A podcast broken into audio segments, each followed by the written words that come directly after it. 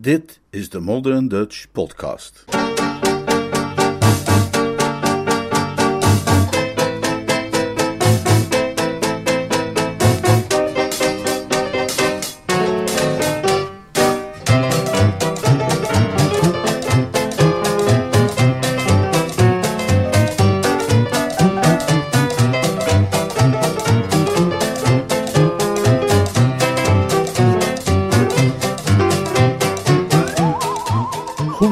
Bezig, Jeeves.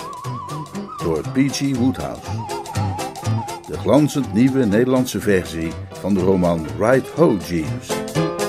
Vertaald en voorgelezen door Leonard Beuger.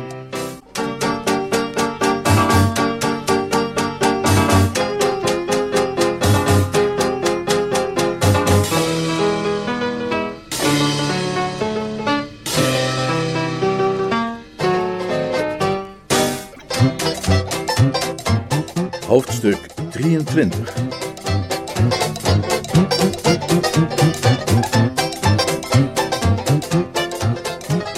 Korte inhoud van het voorafgaande. Bertie Wooster heeft enige oneenigheid met zijn bediende Jeeves, omdat Jeeves hem niet het witte officiersjasje wil laten dragen dat hij uit Cannes heeft meegebracht. Ook ergert het Bertie dat zijn vrienden vaak Jeeves om raad komen vragen in plaats van hemzelf. Als op Brinkley Court, het buitenhuis van Bertie's tante Dahlia, twee vrienden van hem, Tuppy Glossop en Gussie Fignottel, problemen krijgen met hun respectievelijke geliefden, Bertie's nichtje Angela en de zoetsappige Madeleine Bassett, staat Bertie er dan ook op hen persoonlijk daarin te adviseren. Ook adviseert hij tante Dahlia, die 500 pond van oom Tom wil lospeuteren voor haar tijdschrift Milady's Boudoir. Hij maakt er echter een dusdanig potje van dat tenslotte iedereen met de verkeerde verloofd is en niemand gelukkig. Jeeves stelt nu voor om de volgende nacht het brandalarm te luiden, waarop iedereen impulsief zijn ware geliefde zal trachten te redden. Zo zal alles goed komen. Bertie waarschuwt Jeeves wel, hem kennende, dat hij in de euforie over een goede afloop hem straks niet zal vragen afstand te doen van zijn witte officiersjasje. Bertie luidt de alarmbel. Iedereen komt in zijn pyjama naar buiten, maar niemand redt iemand anders. Het hele plannetje is dus mislukt en iedereen is kwaad op Bertie. Dan blijkt dat niemand meer naar binnen kan omdat alle deuren dicht zitten en het voltallige personeel is naar een personeelsfeestje op Kingham Manor, 14 kilometer verderop. Bertie wordt daar op een gammele fiets heen gestuurd om de achterdeursleutel op te halen bij butler Sappings. Na een gruwelijke tocht in het donker daar aangekomen, blijkt Sappings de sleutel bij Jeeves te hebben achtergelaten. Woedend fietst Bertie terug.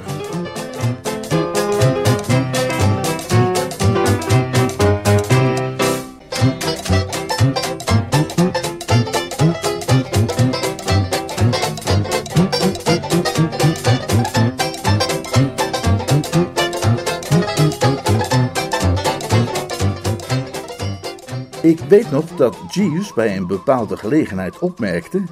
Ik ben vergeten welke gelegenheid, en hij kan het trouwens ook, zoals hij wel vaker doet, er zomaar hebben uitgegooid, al dan niet voor mij bestemd, dat de hel geen heviger furie kent dan een getergde vrouw. En tot die nacht had ik altijd gedacht dat daar veel in zat. Zelf had ik nooit een vrouw getergd, maar uh, Pongo Twistleton had ooit een tante van hem getergd, door gladweg te weigeren haar zoontje Gerald van Paddington Station af te halen, ergens met hem te gaan lunchen en hem dan op Waterloo Station weer op de trein te zetten, terug naar zijn school. Daar zijn brieven over geschreven, heeft u me verteld, waar de honden geen brood van lusten, alsmede twee bijzonder heftige telegrammen en een uiterst bittere prentbriefkaart met een afbeelding van het oorlogsmonument in Little Chilbury erop. Tot die nacht had ik daarom, zoals ik zeg, nooit getwijfeld aan de juistheid van die stelling. Getergde vrouwen bovenaan en de rest eenvoudig nergens. Zo had het mij altijd geleken. Maar die nacht heb ik mijn oordeel herzien.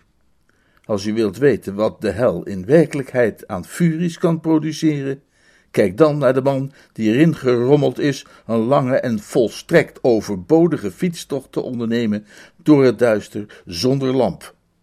Let vooral op dat woord overbodig. Dat is het aspect dat pas werkelijk het mes tot diep in de ziel stoten.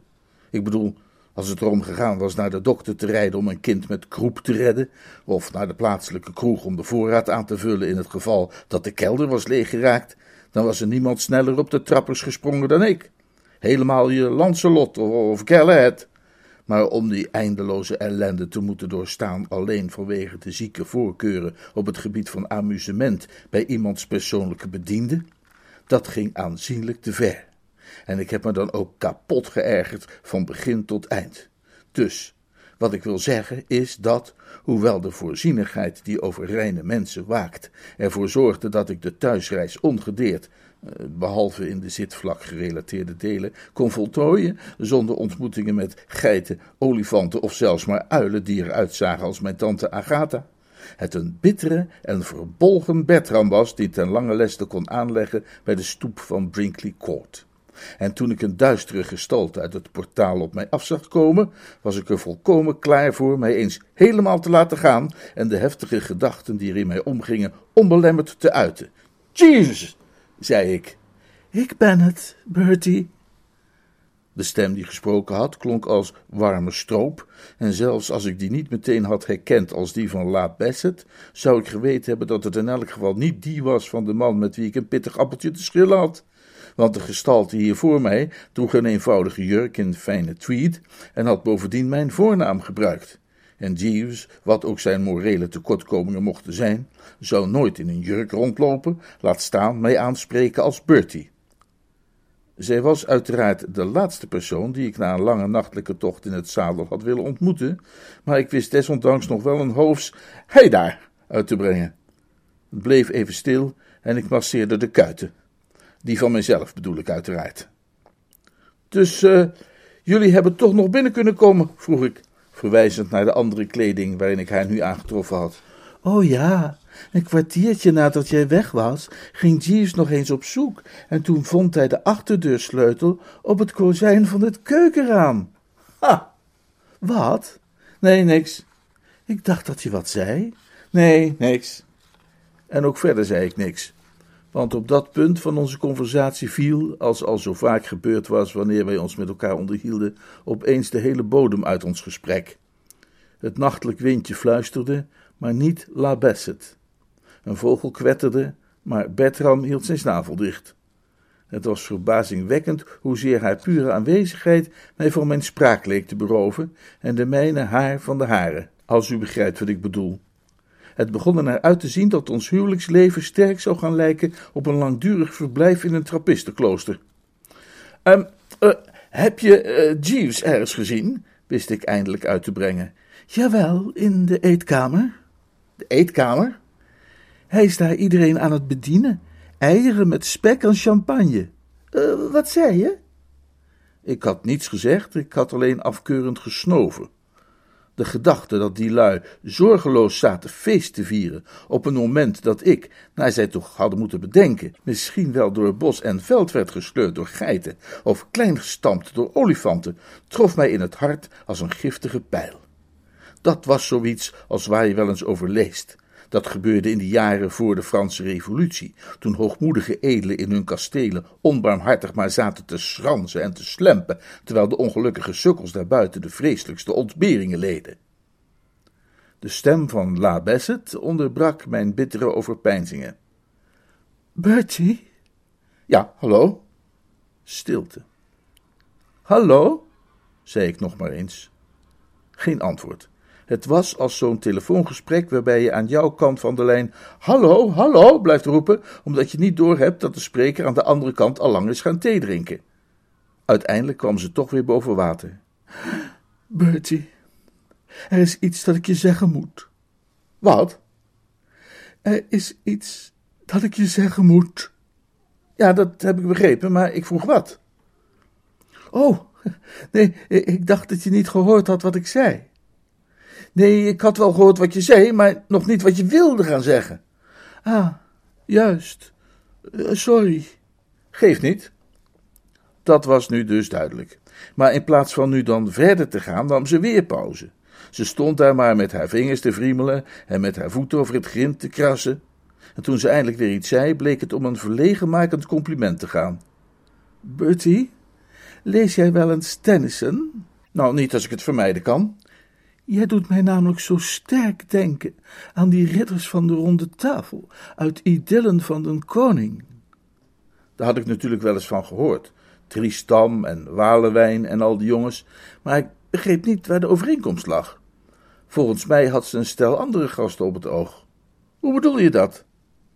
Je hebt zo'n groot hart, zo'n edele ziel. Je bent zo genereus, zo onzelfzuchtig, zo ridderlijk. Dat heb ik altijd gevonden van jou. Dat jij een van de weinige echt ridderlijke mannen bent die ik ooit heb ontmoet. Ja, het is natuurlijk verdraaid lastig om te weten wat je zeggen moet wanneer iemand je een dergelijke hoeveelheid stroop om de mond smeert. Ik mompelde dus, oh ja, of iets in die orde van grootte en wreef enigszins verlegen mijn pijnlijke zitvlak. Er volgde een nieuwe stilte, alleen onderbroken door een schrille kreet toen ik even iets te hard wreef. Bertie? Ja, hallo? Ik hoorde haar slikken. Bertie, zou je iets heel ridderlijks voor me willen doen? Tuurlijk, spreekt vanzelf, hoe bedoel je? Ik zal je daarmee tot het uiterste op de proef stellen. Ik ga iets van je vergen, dat van maar weinig mannen is gevergd. Ik ga je. Dit klonk mij niet heel positief in de oren. Zeg, zei ik weifelachtig, altijd graag tot je dienst, dat weet je, maar ik heb net een duivelse fietstocht achter de rug en ik voel me wat stijf en plaatselijk ook wat rauw, vooral aan mijn, uh, nou ja, een beetje stijf en rauw dus. Uh, als het iets is dat ik voor je boven moet halen. Nee, nee, je begrijpt me niet. Nee, inderdaad. Oh, het is ook zo moeilijk. Hoe kan ik je dit zeggen? Kun je het niet raden? Nee, ik snap er niks van. Bertie, laat mij gaan. Maar ik heb je helemaal niet vast. Geef me mijn vrijheid terug. Je vrij... Ah, toen snapte ik het opeens. Het was waarschijnlijk door de vermoeidheid geweest dat het zo lang duurde eer ik begreep waar ze heen wilde. Wat? Ik wankelde en het linkerpedaal schampte lelijk mijn scheenbeen. Maar de euforie die ik in mijn binnenste ervoer was dermate groot dat ik geen kick gaf. Uh, jou je vrijheid teruggeven? Ja. Ik wilde op dit punt even geen verwarring. Uh, bedoel je nu dat je uit wilt maken? Ga je het dan eindelijk toch met Gussie aanleggen? Alleen wanneer jij edel en grootmoedig genoeg bent om daarin toe te stemmen. Oh, maar dat, uh, dat ben ik wel. Ik heb jou immers mijn woord gegeven. Ach, wat zijn woorden. Dus jij wilt mij werkelijk... Natuurlijk, natuurlijk. Oh, Bertie. Ze rilde als een espenblad. Het zijn geloof ik espenbladeren die rillen. Een waarlijk hoofse ridder, hoorde ik haar mompelen, en daar er verder weinig te zeggen over bleef, verontschuldigde ik mij verder, daar ik onder het stof zat en graag mijn kamenier wilde vragen mij in iets gemakkelijks te helpen. Uh, ga je maar gauw terug naar Gussie, zei ik, om hem te vertellen dat alles in orde is. Ze maakte een soort hikkend geluid, huppelde op me af en gaf me een kus op mijn voorhoofd. Heel irritant natuurlijk, maar zoals Anatole zou zeggen, ik durf goed lijden onder de kwade. Het volgende ogenblik rende ze in de richting van de eetkamer, terwijl ik, na die fiets in de bosjes te hebben gezwiept, koers zette naar de trap. Ik zal niet hoeven uit te wijden over mijn feeststemming. Die kunt u zich uiteraard voorstellen. U kent die verhalen over kerels met de stroppel om hun nek en de beul klaar om te hijsen, als er plotseling iemand komt aangegalopeerd, zijn paard met het schuim op de bek en hij wuivend met het gratiebesluit. Dat was er niets bij, absoluut niets. Ik weet niet hoe ik u een betere indruk kan geven van mijn juichende stemming, dan door te zeggen dat toen ik door de hal liep, ik een zo diepe dankbaarheid en welwillendheid voelde tegenover al het geschapene, dat ik mijzelf erop betrapte zelfs vriendelijke gedachten te koesteren over Jeeves. Ik wilde juist de trap opgaan toen een onverwacht Hé daar van achter mijn rug mij deed omdraaien. Het was Tuppy. Hij was kennelijk net naar de kelder geweest voor versterking, want hij had een stel flessen onder zijn arm. Hallo Bertie, zei hij, weer terug? hij lachte geamuseerd. Je ziet eruit als het vlak van de Hesperus onder een stoom was gekomen of zo. Op ieder ander moment had ik zijn botte humor moeilijk te verdragen gevonden. Maar ik was in een dermate opgewekte stemming dat ik zijn ongein terzijde wuifde en hem het goede nieuws berichtte. Tuppy, beste knul, La Bassett gaat met Gussie Fink Nottel trouwen. Nou, dat is dan pech voor alle pijs, zeg. Ja, maar begrijp je het dan niet? Snap je niet wat het betekent? Het betekent dat Angela weer op de vrije markt is en dat jij alleen maar je kaarten op de juiste manier hoeft uit te spelen om. Hij lachte bulderend. Ik zag nu dat hij helemaal in de wolken was. Eigenlijk had ik zoiets al direct gezien, maar het toegeschreven aan alcoholische stimulantia. Goeie hemel, jij loopt ook achter, zeg Bertie. Je kan ook haast niet anders natuurlijk, als je halve nacht gaat fietsen. Angela en ik hebben het al uren geleden weer goed gemaakt. Wat? Tuurlijk. Het was maar wat gekibbel, zoals je dat wel vaker hebt samen. Met wat geven en nemen, een beetje gezond verstand kom je daar altijd wel uit. We zijn even bij elkaar gaan zitten, we hebben het uitgepraat. Ik heb die haai van haar erkend. En zij heeft mijn dubbele kin teruggetrokken, simpel zat. Was in twee minuten geregeld. Maar, maar, sorry Bertie. Ik kan niet de hele nacht hier met je blijven kletsen. We hebben nogal een feestje gebouwd in de eetkamer en er wordt gewacht op de nieuwe aanvoer. Zijn bewering werd gestaafd door een kreet vanuit het genoemde vertrek. Ik herkende tante Dalia's stem. Van wie anders? Glas op! Joehoe! Schiet eens op met dat spul! Ik kom eraan, ik kom eraan. Vlug een beetje graag. Horido, Timo! Halali, om niet te zeggen tantera. nou, je tante is een beetje boven haar thee, zei Tuppy. Ik ben niet precies op de hoogte van de feiten, maar het schijnt dat Anatole ontslag genomen had, maar hij nu toch wil blijven. En ook dat jouw oom haar een cheque gegeven heeft voor dat blad van haar. De details ken ik verder niet, maar ze is heel opgetogen. Maar tot ziens, zeg. Hè? Ik moet er vandoor. Wanneer u zou zeggen dat Bertram volkomen verbijsterd was, had u de spijker op de kop geslagen. Ik kon er geen chocola van maken. Ik had Brinkley Court achtergelaten als een huis van ellende, met droefenis en gebroken harten waar je maar keek, en bij terugkomst tref ik opeens een soort aards paradijs aan. Eh, dat ging mij boven de pet. In die verblufte toestand nam ik een bad. Het speelgoed eentje zat nog altijd in het zeepbakje, maar ik werd te zeer door mijn gedachten bezig gehouden om er aandacht aan te schenken. Vol vragen keerde ik terug naar mijn kamer en daar trof ik Jeeves. Hoe perplex ik was, blijkt wel uit het feit dat mijn eerste woorden tegen hem geen woorden waren van verwijt en ernstige bestraffing, maar een verzoek om informatie. Zegt Jeeves. Goedenavond, meneer. Ik vernam dat u was teruggekeerd. Ik hoop dat u een aangename rit hebt gehad. Op elk ander moment zou een valse opmerking als die de duivel in Bertram Woester hebben gewekt. Nu merkte ik die nauwelijks op. Ik was erop gefocust het raadsel waar ik mee was geconfronteerd op te lossen. Eh, ja, maar, maar, maar zegt Jeeves, wat, wat, wat... Ja. Wat heeft dat allemaal te betekenen? U doelt op... Ja, natuurlijk doel ik daarop. Jij weet precies waar ik het over heb. Wat is hier gebeurd sinds ik vertrokken ben? Het is hier één grote gelukkige afloop, of liever, het zijn er bosjes. Ja, meneer. Ik ben blij te kunnen zeggen dat mijn inspanningen beloond zijn geworden. Hoe bedoel je jouw inspanningen? Je wilt me toch niet wijsmaken dat jouw waardeloze brandalarmplannetje hier ook maar iets mee te maken heeft? Toch wel, meneer. Doe niet zo stom, Jeeves. Dat was een miskleun. Niet geheel en al, meneer. Ik vrees alleen, meneer, dat ik niet volkomen open geweest ben over mijn voorstel de brandklok te luiden. Ik had niet werkelijk verwacht dat dit op zichzelf het verlangde resultaat zou teweegbrengen. Het vormde meer de voorbereiding op wat ik zou willen beschrijven als het echte werk dat daarop moest volgen. Je kletst, Jeeves. Nee, nee. Het was essentieel dat de dames en heren het huis uitgelokt zouden worden, opdat eenmaal daar buiten zij daar de vereiste hoeveelheid tijd zouden verblijven. Hoe bedoel je? Mijn plan was gebaseerd op de psychologie, meneer. Hoe dat? Het is een erkend verschijnsel, meneer, dat niets individuen, tussen wie ongelukkigerwijs een zekere animositeit heerst, zo goed bijeen kan brengen als een gedeelde, sterke afkeer van een derde persoon. In mijn eigen familie, als ik een wat huiselijk voorbeeld mag geven, was het een algemeen aanvaard principe om in tijden van familiaire oneenigheid mijn tante Annie uit te nodigen voor een bezoek, waardoor alle breuken tussen de overige familieleden als vanzelf werden geheeld. Het gedeelde ressentiment jegens tante Annie zorgde telkens voor een uh, vrijwel onmiddellijke verzoening tussen de partijen, die eerder van elkaar waren vervreemd.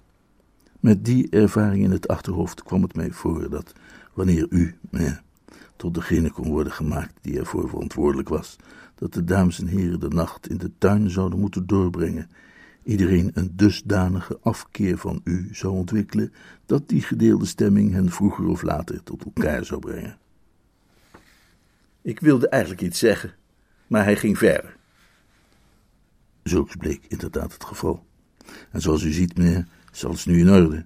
Na uw vertrek op de fiets waren de diverse gebrouilleerde partijen het dermate met elkaar eens in hun aversie jegens u, dat het ijs, als ik dat zo mag zeggen, werd gebroken. Mr. Glossop liep al snel onder het geboomte met Miss Angela en wisselde anekdotes met haar uit betreffende uw studiejaren te Oxford, waar zij verhalen uit uw kindertijd tegenover kon stellen, terwijl Mr. Fink Nottle tegen de zonnewijzer geleund Miss Bassett vermaakte met onthullingen over uw kostschooltijd. Mrs. Travers vertelde monsieur Anatole intussen, ik hervond mijn spraak. Oh ja, zei ik, juist. Hm, als gevolg van die verdomde psychologie van jou is tante Dalia, moet ik aannemen, nu zo nijdig op mij dat het jaren gaat duren eer ik mijn gezicht hier weer zal durven laten zien. Jaren, Jeeves, waarin Anatole avond aan avond die onvolprezen diners van hem zal klaarmaken, terwijl ik... Nee, meneer. Het was om een dergelijke eventualiteit te voorkomen dat ik voorstelde dat u naar Kingham Manor zou fietsen. Toen ik de dames en heren meedeelde dat ik de sleutel gevonden had en het tot hen doordrong dat u die lange fietstocht voor niets had ondernomen, verdween hun eigenis als sneeuw voor de zon en heeft men daar hartelijk om kunnen lachen. Men heeft zich daarmee bijzonder geamuseerd. Ja, dat zal wel, ja. Inderdaad, meneer. Ik vrees dat u wellicht nog wel zult worden onderworpen aan wat goed bedoelde spot, maar meer ook niet. Alles, als ik dat zo mag zeggen, is vergeven, meneer. Oh ja? Ja, meneer. Ik peinsde even. Hm, je lijkt het inderdaad allemaal zorgvuldig voor elkaar te hebben gekregen. Ja, meneer. Tuppy en Angela zijn weer verloofd. Gussie en La Bassett ook. Om Tom heeft kennelijk dat geld voor Milady's boudoir opgehoest. En Anatole blijft. Ja, meneer. Eind goed, al goed, zou je kunnen zeggen. Bijzonder treffend geformuleerd, meneer. Ja, ja. Goed bezig, Jeeves. Ik peins er nog even. Hm. Even zo goed zijn je methodes behoorlijk grof, Jeeves. Er is een oud Engels spreekwoord dat zegt dat men geen omelet kan bakken zonder eieren te moeten breken, meneer. Ik ging recht zitten. Een omelet? daar zeg je wat. Denk je dat je er een voor mij zou kunnen bemachtigen? Hoe zeker, meneer. Samen met een half flesje van iets? Ongetwijfeld, meneer. Doe dat dan, Jeeves, en met de hoogste spoed. Ik klom in bed en liet me in de kussens zakken. Ik moet zeggen dat mijn nobele woede toch enigszins was weggeëpt. Mijn lichaam deed pijn van top tot teen en speciaal iets onder het midden. Daar stond echter het feit tegenover dat ik niet langer verloofd was met Madeline Bassett. Voor een goede zaak is men bereid te lijden. Ja, nu ik alles van alle kanten kon bekijken, zag ik dat Jeeves uitstekend had gepresteerd. En ik verwelkomde hem dan ook met een goedkeurende glimlach toen hij terugkwam met de benodigde versterkende middelen. Die glimlach leek niet aan hem besteed. Zijn blik bleef wat somber, meende ik te constateren, en ik sprak hem daar vriendelijk op aan. Uh, zit je iets dwars, Jeeves? Ja, meneer. Ik had het u al eerder moeten zeggen, maar uh, in de drukte van de afgelopen uren is het mij ontschoten. Ik vrees dat ik een ernstige onzorgvuldigheid heb begaan, meneer. Oh ja, Jeeves, zei ik, terwijl ik tevreden mijn omelet attaqueerde. Het uh, betreft uw witte officiersjasje, meneer. Een nameloze angst overviel mij, waardoor mij een mond vol omelet in het verkeerde keelgat schoot. Het spijt me u te moeten zeggen, meneer, dat toen ik dat jasje vanmiddag aan het strijken was, ik zo slordig geweest ben het warme ijzer erop te laten staan. Ik vrees ten zeerste dat u het kledingstuk onmogelijk nog zult kunnen dragen, meneer. Een van die beroemde geladen stiltes vulde het vertrek. Spijt mij bijzonder, meneer. Ik moet bekennen dat die nobele woede van mij weer heel even kwam opspelen, met rollende spieren en snuivend door de neus, maar ja, zoals wij dat zeggen aan de Riviera, à quoi sert-il? Met nobele woede viel hier toch niets meer te winnen. Wij woesters hebben geleerd door de zure appel heen te bijten. Mistroostig prikte ik nog een stuk omelet aan mijn vork. Het is goed. Eh, Uitstekend, nee.